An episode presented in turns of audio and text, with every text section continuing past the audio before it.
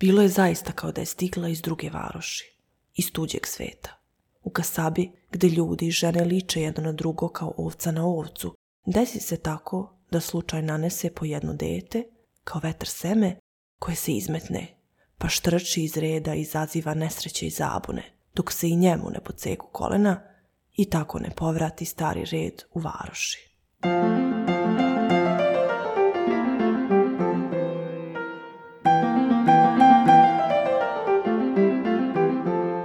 Dobar dan, dragi slušaoci. Ja sam Aleksandra, a vi slušate podcast Digitalnog omladinskog centra Gradske biblioteke u Novom Sadu.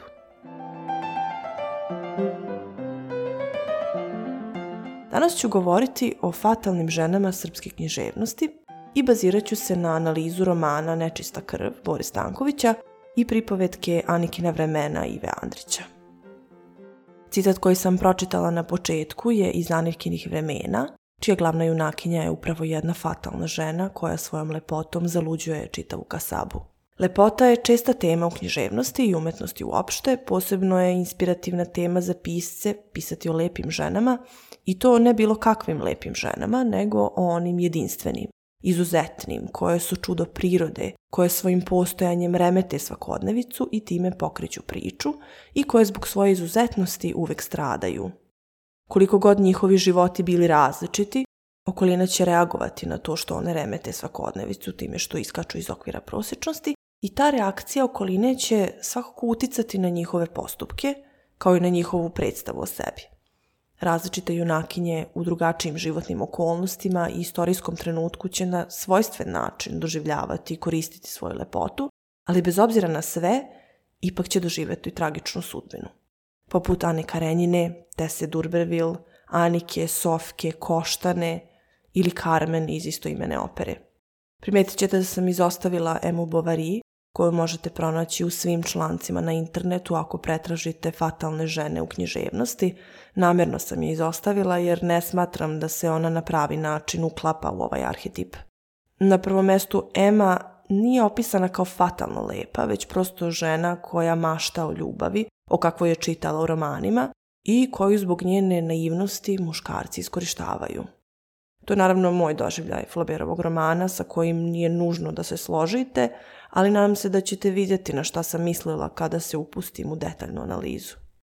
Arhetip fatalne žene postoji još u antičkoj književnosti i to su najčešće čarobnice ili nimfe – poput Kirke i Kalipso Odiseji, koje su mamile i zavodile moreplovce, pa ih u Kirkinom slučaju pretvarale u svinje ili dok je recimo Kalipso zarobila Odiseja na ostrvu da bude njen ljubavnik, sve dok joj bogovi nisu naredili da ga pusti. Naravno, ne smemo zaboraviti najfatalniju od svih iz antičke književnosti, Jelenu ili Helenu Trojansku, zbog koje je i vođen Trojanski rat, koji je trajao 10 godina i u kojem su poginuli neki od najpoznatijih starogrčkih heroja. Iako nije nimfa, ni čarobnica, Helena je čerka Zefsa i Lede, tako da je svakako besmrtna i tri četvrtine boginja. I kao što vidimo, ideja lepog koja se personifikuje u liku žene je praktično oduvek postojala u književnosti. Za stare Grke ta žena je onda bila nekog božanskog porekla, što bi dodatno istaklo njenu posebnost, ali ona je uvek bila fatalna žena, često i za sebe, ali još češće za ljude oko sebe. Kasnije pojavom hrišćanstva predstava žene se deli na eve, odnosno grešnice, koje odvode muškarce u greh, i na device Marije, odnosno svetice, to su savršene, požrtvovane žene i majke kao na primjer Danteova Beatrice ili recimo dame koje verno čekaju svoje vitezove koji idu osvajanja u njihovo ime, što je bio ustaljen motiv riterskih romana. Tako da su predstave žene u književnosti dugo bile jednodimenzionalne. I tek u 18. veku dolazi do nekih promjena, pa u 19. konačno dobijamo ozbiljnu psihologizaciju ženskih likova. Kao što vidite, ova tema je prilično ambiciozna i opširna, i može o njoj iz različitih uglova da se govori, pa ću malo da suzim fokus. Govorit ću o dva velika dela iz srpskih književnosti, o nečitoj krvi Bore Stankovića i Anikinim vremenima Ive Andrića. Prvo jer su sjajni primjeri dela koja govore o ženskoj lepoti, u različitom okruženju i istorijskom trenutku i opisuju dve vrlo različite žene koje čine diametralno suprotne izbore, ali u stvari su dve strane istog novčića i obe završavaju tragično. A drugi razlog je to što do sada u podcastu još uvijek nisam govorila o srpskoj književnosti. Bilo je reči o srpskom folkloru, ali ne o književnosti, tako da mislim da je red da se malo bavimo i domaćim piscima. Borisav Stanković je 1910. godine objavio svoj jedini dovršen roman, Nečista krv, koji se prvobitno pojavio 1900. godine kao pripovetka, pa onda izlazi kao roman u nastavcima u časopisima, da bi deset godina kasnije konačno bio štampan i dobio današnji oblik. Što se ne dešava često, kritičari su odmah uočili veliku književnu umetničku vrednost dela. Jovan Skerlić je recimo u predgovoru romanu istakao kako su Stankovićevi vanredno reljefni tipovi vrlo upečatljivi, i pohvalio je način na koji pisac obrađuje temu propadanja jedne bogate porodice u kojoj mlađi članovi ispaštaju grehe predaka. Takođe je nazvao Stankovićevo delo originalnim, čulnim, vrelim i emotivnim. Tako da sociološki sloj romana je kritika jednoglasno hvalila, verni prikaz aktuelne prošlosti, koja im je i dalje bila vrlo bliska. Pa prikaz tadašnjih društvenih odnosa koji su se naglo menjali kada je Srbija oslobođena od turske vlasti. Međutim, kada je u pitanju psihološki i čulni aspekt romana, koji je daleko razvijeniji i po kojem se ovaj roman posebno ističe, nastao je problem. Kritika je ostala podeljena. Jedni su zamerali piscu na prevelikoj slobodi, nazivajući ga nemoralnim, dok su drugi hvalili njegovu originalnost, snagu, poetsku čulnost i poredili ga sa Zolom. U Stankovićevo vreme patrijarhalno društvo koje je bilo ideal realizma sada se preispituje. I pisac demistifikuje patrijarhalnu utopiju, prikazuje da je zastarela, neodrživa, a da novi vek donosi sa sobom promene kojima se treba prilagoditi i da se sada javljaju novi ideali kojima treba težiti. S obzirom da u prvom planu više nije patrijarhalna zajednica, pažnja se usmerava na pojedinca. Tako da Stankovićev roman, koji počinje kao porodična hronika, prerasta u roman ličnosti, autor se koncentriše na Sofkin unutrašnji život, njen doživljaj sveta i njena osjećanja. I ovakav naratološki pristup izgradnje lika u romanu je veoma veliki korak u književnosti, a posebno kada je u pitanju ženski lik. Dok pratimo propadanje Sofkine porodice, sa druge strane pratimo i Sofkino preobraženje u čuvenu lepoticu. Odrastanjem Sofka postaje svesna sebe kao žene, svoje lepote, ali i uticaja te lepote na ljude oko nje, Tako da Sofkina visoka svest o sebi, naglašeno osjećanje vlastitog tela i sa druge strane saznanje o opadanju ugleda njene porodice komplikuju Sofkin unutrašnji svet i time dobijamo jednu od najkompleksnijih ličnosti srpskog romana. 21 godinu kasnije Ivo Andrić objavljuje svoju dužu pripovetku Anekina vremena, koja takođe nosi neke slične motive.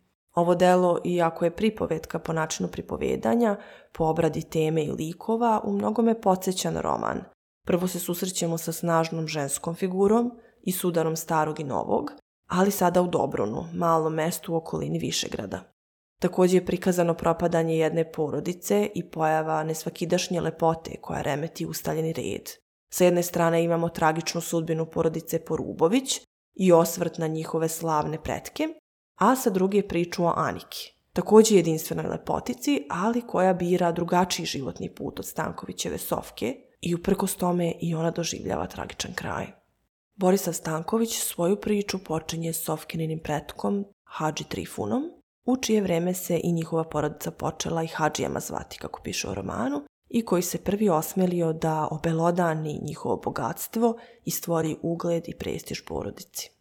Tako da se u početku osjeti jedna doza nostalgije u naratorovom pripovedanju o slavnoj prošlosti i snazi patrijarhalnog autoriteta, koji u tom trenutku bio u punom jeku. Međutim, kada se uporedi ta priča sa centralnom pričom u romanu, koja se dešava decenijama kasnije, kada likovi pate za slavnom prošlošću i bezuspešno pokušavaju da stvore iluziju, da zavaraju sve oko sebe da su i dalje relevantni, počinjemo da se pitamo – da li je uopšte ta prošlost ikada i bila tako slavna? Jer su ljudi u teškim situacijama često skloni da romantizuju prošlost, da zaboravljaju loše strane i sećaju se samo onih dobrih koje onda pretvaraju u legendu.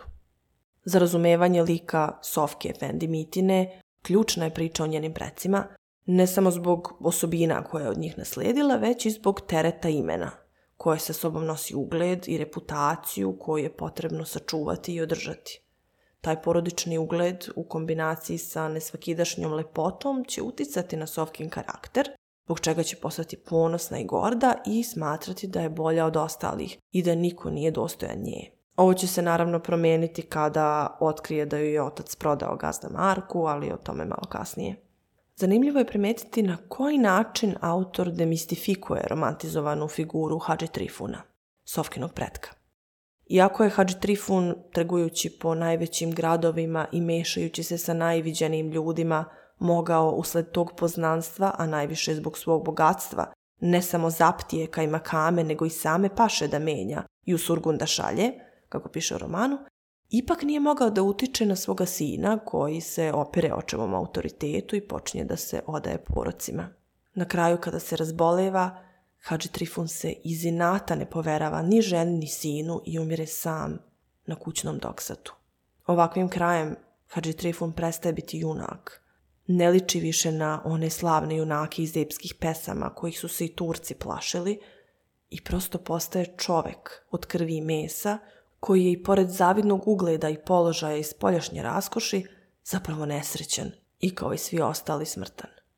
Tako da ovom demistifikacijom najslavnijeg pretka pisac problematizuje patrijarhalni ideal, što mu onda omogućava da ostale sofkine pretke, ali i samu sofku prikaže u pravom svetlu, na jedan gotovo naturalistički način. Raskoš i bogatstvo ih je iskvarilo, odvelo u porok i degeneraciju i, kako piše u romanu, a onda sve gore i gore stvari. Toliko umobolnih, uzetih, toliko rađanja dece sa otvorenim ranama, umiranje u najboljim godinama, večito dolaženje čuvenih ećima, lekara, babica, toliko bajanje, prosipanje raznim vodama, vođenje kod vračara po razvalinama, po zapisima i drugim lekovitim mestima po okolini. Tako da se među Sofkinim precima krije poreklo nečiste krvi, kao što vidimo, pa se već ovde može naslutiti da priča neće i ne može imati srećan kraj i da je Sofkina sudbina već zacrtana. Njena baba Cona je takođe bila čuvena po svojoj lepoti, ali pored toga bila je i samostalna i sposobna žena, jer je rano ostala udovica pa je morala. Međutim, kada je u poznim godinama ostala trudna sa mladim učiteljem, oduzela je sebi život.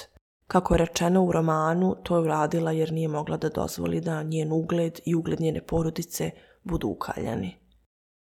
I kroz ovu priču već dosta toga možemo da naslutimo i položaj patrijarhalne žene, snagu njene sramote, neumoljivost pritiska društva, naslednu fatalnu lepotu, ali i vatrenu krv koju nasleđuje Sovka od svojih predaka i kao što ni preci nisu mogli da se nose za tim, neće ni ona moći.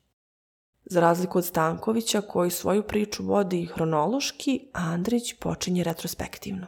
On takođe pripoveda o propadanju jedne porodice, ali započinje njenim poslednjim izdankom, popom Vujadinom Porubovićem.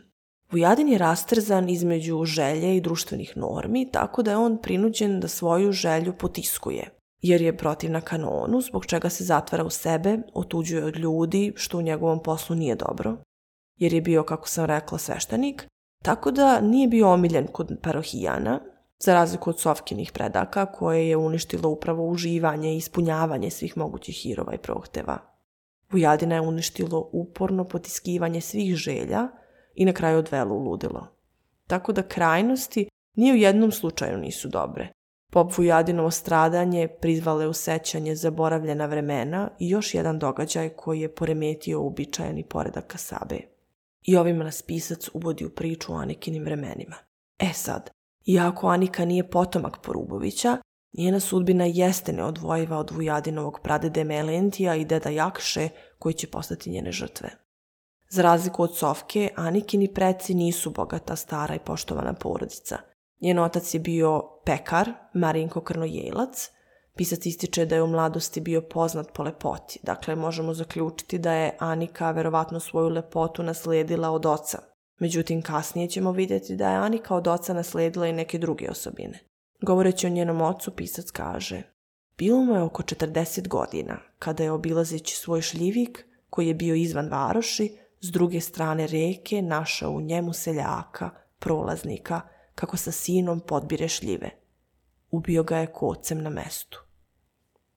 Ovakav agresivan, impulsivan postupak oca koji je spomenut gotovo usputno, pisac koristi da upozori čitaoca da čerka ima naslednu predispoziciju ka zlu, stvarajući nekakvu zagonetnu atmosferu iščekivanja nečeg negativnog.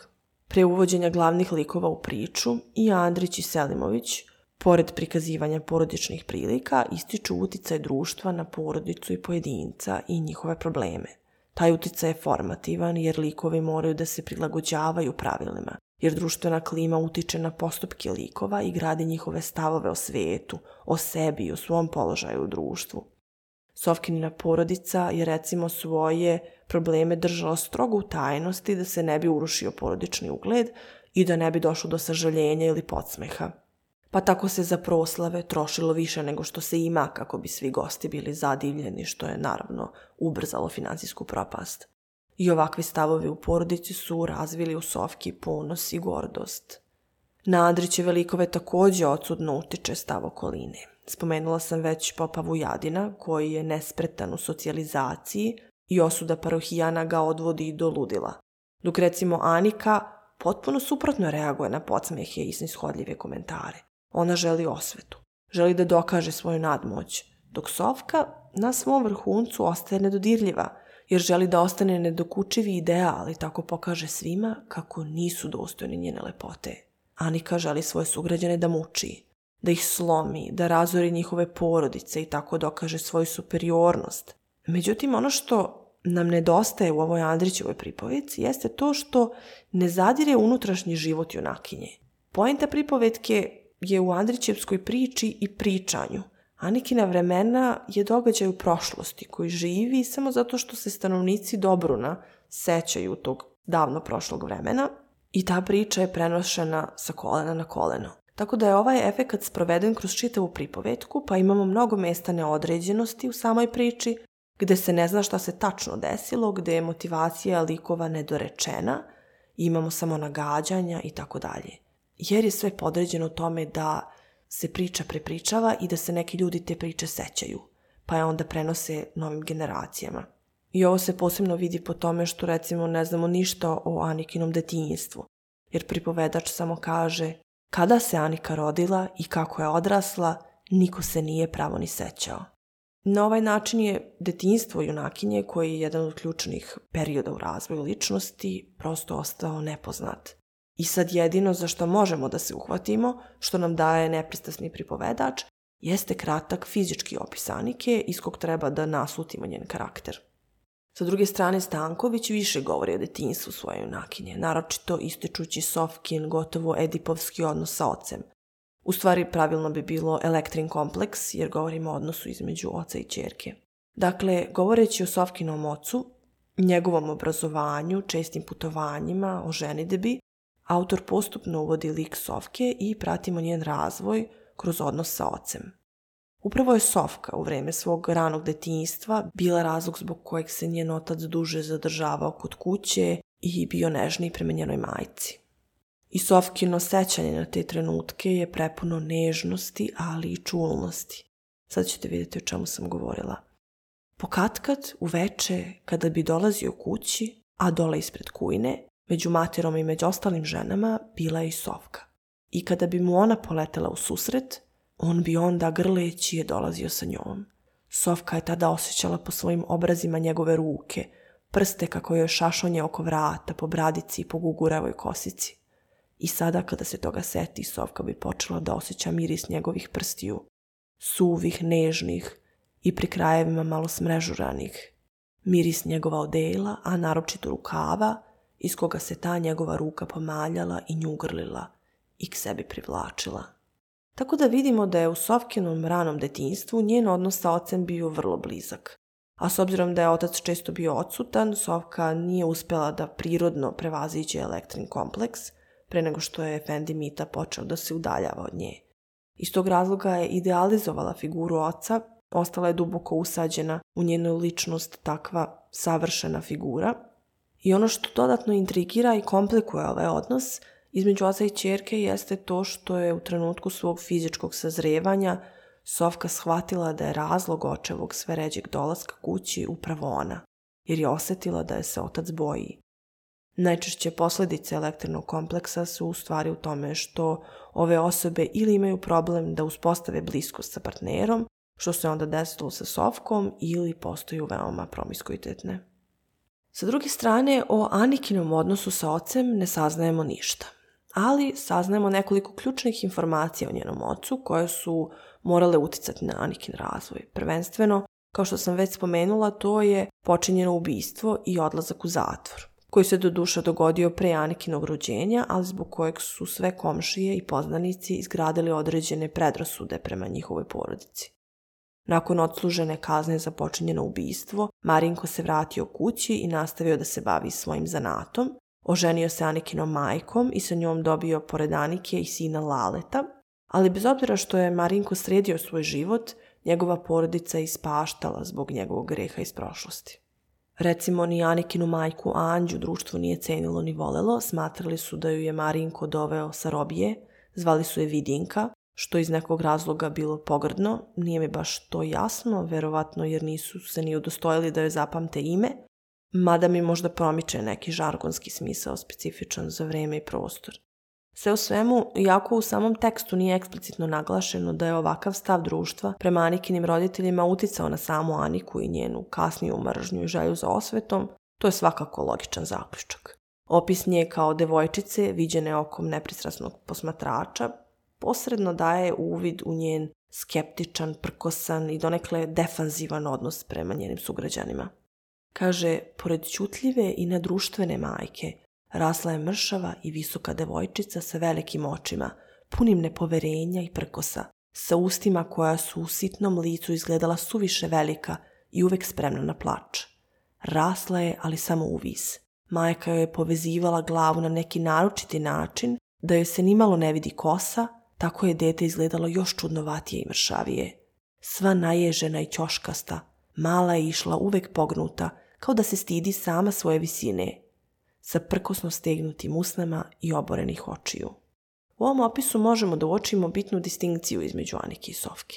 Dok je Anika bila visoka, mršava, tiha i nepoverljiva, iz čega se nije dalo naslutiti u kakvu lepoticu će se kasnije razviti, Sofka je naprotiv sama unapred osjećala da će njena lepota biti nešto neobičajeno i veličanstveno. Tako da je Anikin preobražaj iz devojčice u ženu iznenadan i neočekivan i odjednom svi počinju da se okreću za devojkom na koju ranije nisu ni obraćali pažnju.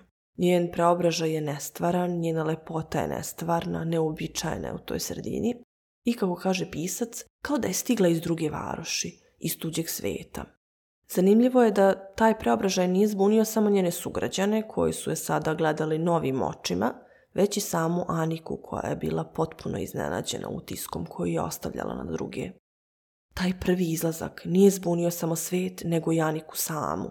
Drugim očima počinje da gleda sve oko sebe. I kao da je prvi put primetila svoje telo, poče da se neguje i posmatra.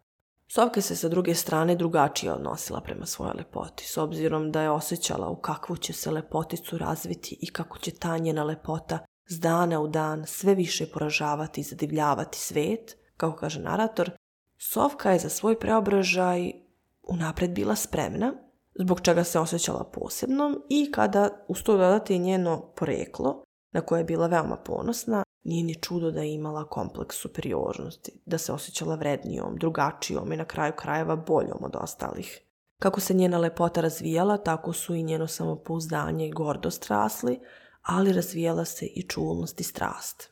Tako da je ona zaključila da se nikada neće naći muškarac dovoljno vredan nje, koji bi morao da bude superioran i po lepoti i po poreklu. Što dodatno ilustruje ovaj citat i pošto je još u početku bila uverena da nikada neće biti takvog koji će moći da bude veći od nje, da bi se ona osjećala sva srećna što takav, lepši i viši od nje, i po svom poreklu i po svojoj lepoti, njenu snagu i lepotu troši i rasipa. Jer jedino bi takav mogao k njoj prići. Jedino takvom bi se ona dala da je ljubi. Paku ubeđenje je na svoj način umirilo Sofku, jer se ona pomirila sa činjenicom da nikada neće pronaći muškarca u koga bi se zaljubila, zbog čega je na neki način sebe oslobodila društvenog pritiska da mora da se uda. I kako kaže narator, ništa i niko od nje nije mogao da izazove zlobu i pakost, jer viša od svih i zato zadovoljna sobom, osobito tom svojom jedinstvenom lepotom, ona je ravnodušno i sve to oko sebe posmatrala. Opis Sofkine lepote u romanu je dosta obsežniji od opisa Anike. Prilično je senzualan, čulan, posebno se ističe njena crna, meka i teška kosa. Kaže, ramena i pleća jednako su joj bila jedra, puna i razvijena. Gornji deo ruku, mišice, bile su oblije i jedrije, te zajedno sa punim joj plećima činile i dalje vitkom i pravom i zbog toga joj se svakad stas i bedra jače isticali malo dugih suvih ruku sa istina suvim, ali nežnim prstima i sa još nežnijim, više dlana oblim i punim člankom ruke, koji je pokazivao svu belinu njene kože.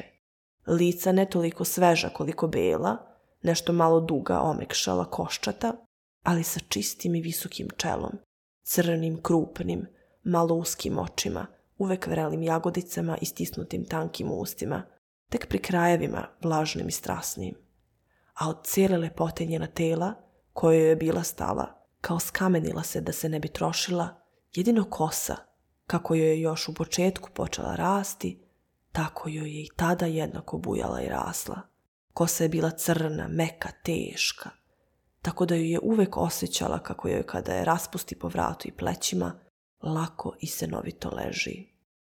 Opis Anikine lepote nije ovako detaljan, ostavljeno je mnogo više mašti čitaoca, Pripovedač ne otkriva tajnu njene privlačnosti koja ostaje poput legende u sećanjima ljudi. O njenoj lepoti saznajemo kroz kratke opise njenog preobražaja i zadivljene i iznenađene komentare ljudi. Iako još uvek vitka, ona mršava i povijena devojčica pobelela je i ispravila se i ispunila preko zime. Oči joj postale krupne, usta manja, na njoj je bila bundica od atlasa, neobična kroja. Svet se okretao za njom. Zanimljivo je recimo primetiti da se ovaj Anikin preobražaj dešava upravo na bogojavljenje, praznik oči kojeg se po narodnom verovanju otvara nebo i tom prilikom Bog ispunjava po jednu želju onome ko zatraži. Po učenju pravoslavne crkve, bogojavljenje je praznik koji obeležava krštenje Isusa Hrista i njegovo otkrovenje kao Boga Sina, tako da se na bogojavljenje otkrila i Anikina lepota. Pored nesvakidašnje i neodoljive lepote, Aniku i Sovku povezuje i snažna seksualna energija i samosvest, kao i bogata unutrašnja stvarnost. Dok nam je intimni život Sovke prilično detaljno predstavljen, Anika ne govori o svojoj unutrašnjoj stvarnosti, s obzirom na narativnu tehniku priče o kojoj sam govorila na početku, nisu ni realistični neki monolozi ili doživljeni govori slično, ali pored toga jasno je da Anika, bar kad su u pitanju njeni motivi i osjećanja, je vrlo zatvorena i nepoverljiva osoba, tako da nju ni njeni najbliži nisu poznavali. Ono što takođe povezuje Sovku i Aniku jeste nagon ka samodestrukciji i snažan osjećaj prkosa, što se kod Sovke može videti prilikom njenog razmišljanja o tome šta bi se desilo kada bi se pojavila neka devojka koja je lepša od nje. I Sovka razmišlja, I ne daj Bože da do toga dođe. Sovka je osjećala da bi onda bila u stanju sve da baci. Da samo dokaže kako ipak ta nije nadmašila, u inat javno pred celim svetom bi se otkrila, pa čak i podala, samo da ih uveri kako njenoj lepoti, razbudnosti, njene snage i vrelini i strasnosti nije moguće da ikoja bude ravna. Da, strašno bi to bilo, ali ona ne bi bila sovka ako to ne bi učinila. Kod Anike se prvi put takva osjećanja naslučuju prilikom njenog razgovora sa Mihajlom, kada mu nagoveštava da bi se ona mogla udati ako se on uskoro ne odluči da je zaprosi. U tom trenutku Mihajlo u njenim strašnim očima ispunjenim krvlju i suzama primećuje isti zverski pogled kao onaj koji je imala Krstinica kada je ubila muža. I ovo je naravno uplašilo Mihajla tako da on beži od Anike i počinje da izbegava. I upravo ovo odbijanje dovodi do Anikinog objavljivanja. Tako da Anika svoju lepotu pretvara u oružje za osvetu i potpuno se prepušta prkosu i preziru prema društvu, što utiče na njene dalje postupke i svoju osvetu iskaljuje na muškarcima koji joj padaju pred noge. Pošto je nakon Mihajlovog odbijanja Anika povređena, ona zamenjuje ljubav sa prkosom i prezirom prema svima i svemu i na kraju i prema sebi samoj. E sad, Sofkina lepota i privlačnost ni u jednom trenutku nisu dovedeni u pitanje, kao što je to bio slučaj sa Anikom, koju je Mihajlo odbio, po čega Sofka ne osjeća potrebu da svoju moć bilo kome dokazuje. Tako da možemo postaviti pitanje da li bi Sofka isto tako postupila da je bila u takvoj situaciji. Da je ipak pronašla nekoga za koga je pomislila da može da je parira i ta osoba je ostavila. Sudeći po citatu koje sam malo pre pročitala, kako razmišlja Sofka da bi reagovala ako bi se pojavila neka devojka koja bi svojom lepotom dovela u pitanje njenu titulu najlepše, vrlo je verovatno da bi i Sovka reagovala slično kao Janika. Doduše to ne možemo znati, ali bih voljela da čujem vaše mišljenje. Ako se ne slažete sa mnom, slobodno pišite u komentarima. Jer recimo kod Sovke je više naglašena njena čulnost i osjećajnost. Na primjer u sceni sa pijenim vankom, Sovka u naletu strasti i osjećanja besmisla želi da zadovolji svoju radoznalost, ali je na kraju ipak odustala jer je od vankovog dodira osetila samo gnušanje. Tako da je pitanje da li bi iz istog razloga odustala i od osvete. Anika svoju lepotu doživljava kao prirodnu moć koju onda pretvara u oružje za osvetu, dok Sovka svoju lepotu smatra privilegijom koju samo ona zaslužuje i koja joj po pravu i poreklu pripada i koja je neodvojivi deo nje, zbog čega je ponosna i gorda. Takođe, taj ponos, ali i snažan osjećaj porodične časti bi se kod Sovke svakako suprotstavili izboru puta kojim je krenula Anika, tako da je pitanje da li bi prevagnuli prko snagom za samouništenjem i narcisoidna seksualnost koji su takođe snažni faktori. A kada govorimo o osjećanju porodične časti, kada je Andrićevanika u pitanju, bitno je naglasiti odsustvo očinske figure, ali i ostalih potencijalnih figura autoriteta u njenom okruženju. Anikini roditelji su umrli baš u periodu njenog sazrevanja i preobraženja, a ona je ostala da živi sa starom tetkom i umno obolelim bratom. Iako je bio fizički odsutan, autoritet Sofkinog oca u njenim očima nikada nije opao, upravo suprotno. Zbog njegovog čistog odsustva Sofka je idealizovala svoju sliku oca i na kraju se zbog toga i žrtvovala. Prvi i jedini put kada se Sofka suprotstavila očevom autoritetu jeste trenutak kada je saznala da otac želi da je oženi sa 12-godišnjakom. Međutim i nakon toga se pokajala i ipak se žrtvovala. Očev pad u njenim očima bio je strašniji od udaje jer je shvatila da nakon očevog poniženja pred njom njihov odnos se nikada neće moći vratiti na staro jer otac će uvek pred njom osjećati stid. A s obzirom da je verovala da u braku svakako neće pronaći sreću, jer muškarac kakvog ona zamišlja koji je dostojan nje ne postoji i odlučila je da pronađe utehu u žrtvovanju za sreću svojih roditelja. Tako da Sofka kroz žrtvovanje podilazi svoje gordosti i sujeti, pa zamišlja koliko će tek sada nakon ovakve žrtve biti uzvišena i poštovana u očima ljudi i na taj način je sebe pretvorila u mučenicu. Dok Anika sa druge strane postaje mučitelj, jer iz osvete umesto divljenja želi ropsku pokornost. Divljenje ljudi prema Sofkinoj lepoti i dostojanstvu ispoljava se kroz strahopoštovanje, koje je takvo da i gazda Marak okleva pred njenom veličanstvenom lepotom, dok Anika čitav grad baca pod noge i, kako kaže priča, Bog sam zna ko sve nije noću dolazio. Mladići, ženjeni ljudi, starci, dečaci. Poneki koje stid ne sprečava i danju dolaze.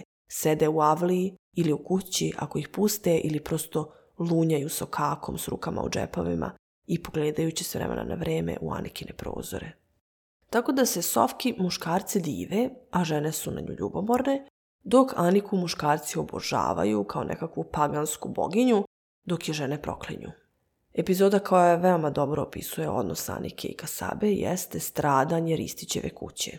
Stara Ristićka, koja je bila jedna od najvećih glasnogovornica protiv Anike, Jednom je u besu izjavila da dok je ona živa neće dozvoliti da njen sin ode Aniki. Anika je za to čula i poručila Ristički. Od danas pa do mjesec dana doći će mi tvoj sin Harlija sa cijelim subotnjim pazarom u rukama i vidjet ćeš ko je Anika. Anikina prednja se naravno ispunila, tako da je Anikin uticaj toliko snažan i opijajuć da ona uspjeva da potčini i svetovnu i duhovnu vlast. Njenim čarima podleže čak i stari iskusni kajmaka, a ni Dobrunski proto nije imao snagi da je ubije kada mu je zaludela sina. U svojoj provokaciji i prkosu Anika prelazi sve granice kao da želi da ispita snagu svojih čari, ali i granicu do kojih će ljudi trpeti njen zulom, kako su ga nazivali. I ko će se usuditi da konačno zaustavi, što je dokaz da i ona ima samo destruktivni nagon. Želeći da potpuno porazi protu Melentija, Ona dolazi na zbor pred njegovu crkvu da bi mu neposredno demonstrirala svoju moć nad svim prisutnim muškarcima, a posebno njegovim sinom. Nakon protivnog neuspelog pokušaja da je ubije, Anika deluje razočarano, ali ako se sada i kaje zbog svega što je uradila, već je kasno. Više ne može da se zaustavi jer posle svega više nema nazad. Tako da ona nastavlja sa svojim pogubnim uticajem i prouzrokuje jakši atentat na Kajmakama, Vrhunac njenog nagona za samouništenjem jeste svakako njen iskaz. Osevapio bi se ko bi me ubio. I na kraju Anika sama organizuje svoje ubistvo, pozivajući u posjetu istoga dana Laleta i Mihajla, jer je svestan da su jedino oni, Lale kao njen brat i Mihajlo kao neko koji je izazvao njen prkos, ti koji su dužni da je zaustave. Sovka se sa druge strane nakon gazda Markove smrti prilagodila novom domu i načinu života, i pošto je bila poštovana i voljena od strane svih u svom okruženju, ponadala se da će možda ipak živeti životom kakvim je sanjala. Njen muž, mali Tomča, joj je bio potpuno odan, a ona je bila ta koja ga je vaspitavala, pa je pokušala da od njega stvori svog idealnog muškarca. Interesantno je kako su sve Sofkine veze na granici sa incestuznim ili sa tabuom, od njenog odnosa sa ocem, pa sa gazda Markom i na kraju samog njenog muža, prema kome se prvo odnosi kao majka, pa onda kao žena i ljubavnica. Međutim, njen život se potpuno ruši u trenutku kada njen otac zatraži od Tomče pare koje su mu obećali za Sofku i usput uvredi njegovo nisko poreklo. Tog trenutka Sofka u Tomčinim očima prestaje da bude idealno biće kojem se divio. U tom trenutku ona gubi svu svoju moć nad njim jer gubi dostojanstvo i ponos i postaje obično vlasništvo, nešto što je kupio i sa čim može da raspolaže. I od tada počinje Sofkina i psihička i fizička dekadencija. Iako na kraju fizički ne umire, ona je simbolično mrtva, jer ponosna i prelepa Sofka prestaje da postoji i od nje samo ostaje jedna nesrećna, fizički i duhovno propala žena koja se predaje alkoholu, trpi nasilje i tako ispašta grehe svoje dekadentne porodice. Obdarene nesvakidašnjom i opčinjavajućom lepotom, Anika i Sofka remete ustaljeni poredak i već samim tim naslučuju tragičnu sudbinu. I to za sobom povlači pitanje da li je lepota sama od sebe prokledstvo i da li je odstupanje od uobičajenog i svakodnevnog nešto što nužno sa sobom nosi zlo. U svaku izuzetnu lepotu svakako dolazi moć, ali i odgovornost na koji način će ta moć biti iskorištena. Anika odlučuje da svoju moć zloupotrebi, koristeći je kao oružje za prkos i osvetu, dok Sofka njome hrani svoju gordost i samoljublje, tako da i jedna i druga završavaju tragično. Baš smo na poslednjem sastanku Book Cluba razgovarali o nečistoj krvi i jedna devojka koja želi da ostane anonimna, kada sam joj rekla da ću ovo morati da dodam u podcast, je spomenula kako je njen utisak bio da je Sofka u stvari na kraju kažnjena jer je bila suviše gorda a gordost je u hrišćanstvu jedan od sedam smrtnih grehova, tako da je zbog toga kažnjena.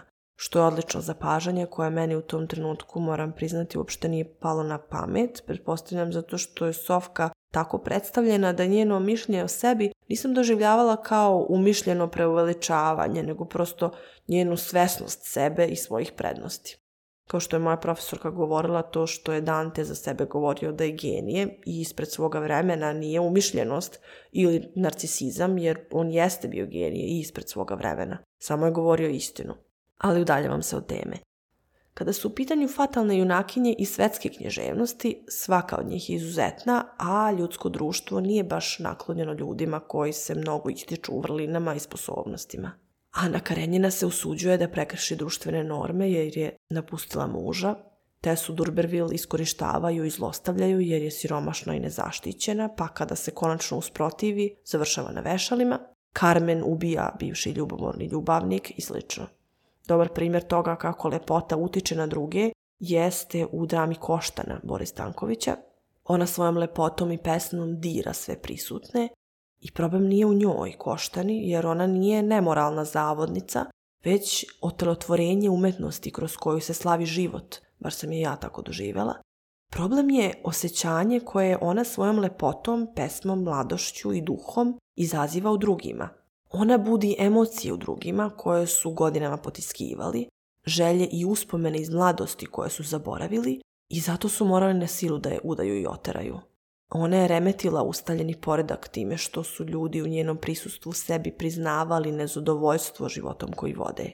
Sve ove junakinje imaju moć da probude u ljudima njihove potisnute želje, da razotkriju naličje društva, njihovo licemjerje i sve nedostatke i samo je pitanje na koji način će da iskoriste te svoje moći. Anika je odlučila da se osveti i čitavu varoš i zaludila. Sovka se žrtvovala razotkrivši bedu i propast Hadži Trifunove porodice i sve grehe i perverzne običaje iz prošlosti naših ruralnih predaka i poreklu svoje nečiste krvi. A dubina Sofkinog pada je veća jer je u kontrastu sa lažnim moralnim visinama na koje su se njeni preci, ali i ona sama popeli. Mnoge društvene norme su neophodne kako bi se održao život, ali sve te nametnute granice ukalupljuju živote i ograničavaju ih. Pojava izuzetnih ljudi koji se ističu, odstupaju, ne mogu ili ne žele da se prilagode, čine da svi ostali oko njih postanu svesni tih nametnutih granica i skučenosti sobstvenog života i svoje prosečnosti. Tako da su jedni potpuno očarani tim fatalnim ženama, žele da budu u njihovoj blizini, da bi se na taj način i oni makar malo osetili posebnima, a drugi žele da ih poseduju, da ih ukrote, potčine sebi, kako bi sa jedne strane pokazali svoju nadmoć, a sa druge dokazali da ta osoba ipak nije tako posebna i drugačija od svih ostalih. A treći su prosto ljubomorni ili ih mrze zbog svojih ličnih kompleksa. I kada sve to uzmemo u obzir, čini se da za takve likove ne postoji mogućnost srećnog kraja. Jer bez obzira na to koji oni put za sebe izabrali, neće moći da se uklope i prilagode, a da istovremeno ostanu izuzetni i zadrže tu neku svoju genijalnu osobinu, jer prosto drugim to neće dozvoliti. Kao što ni koštani nisu dozvolili da bude slobodna i da peva. Dragi slušaoci, to bi bilo sve u današnjem podcastu. Uživajte u čitanju, nadam se da ste se opremili za naredne mesece na sajmu knjiga. Ako niste, uvek možete srati u najbližu biblioteku. A mi se čujemo ponovo sa nekom novom temom iz književnosti.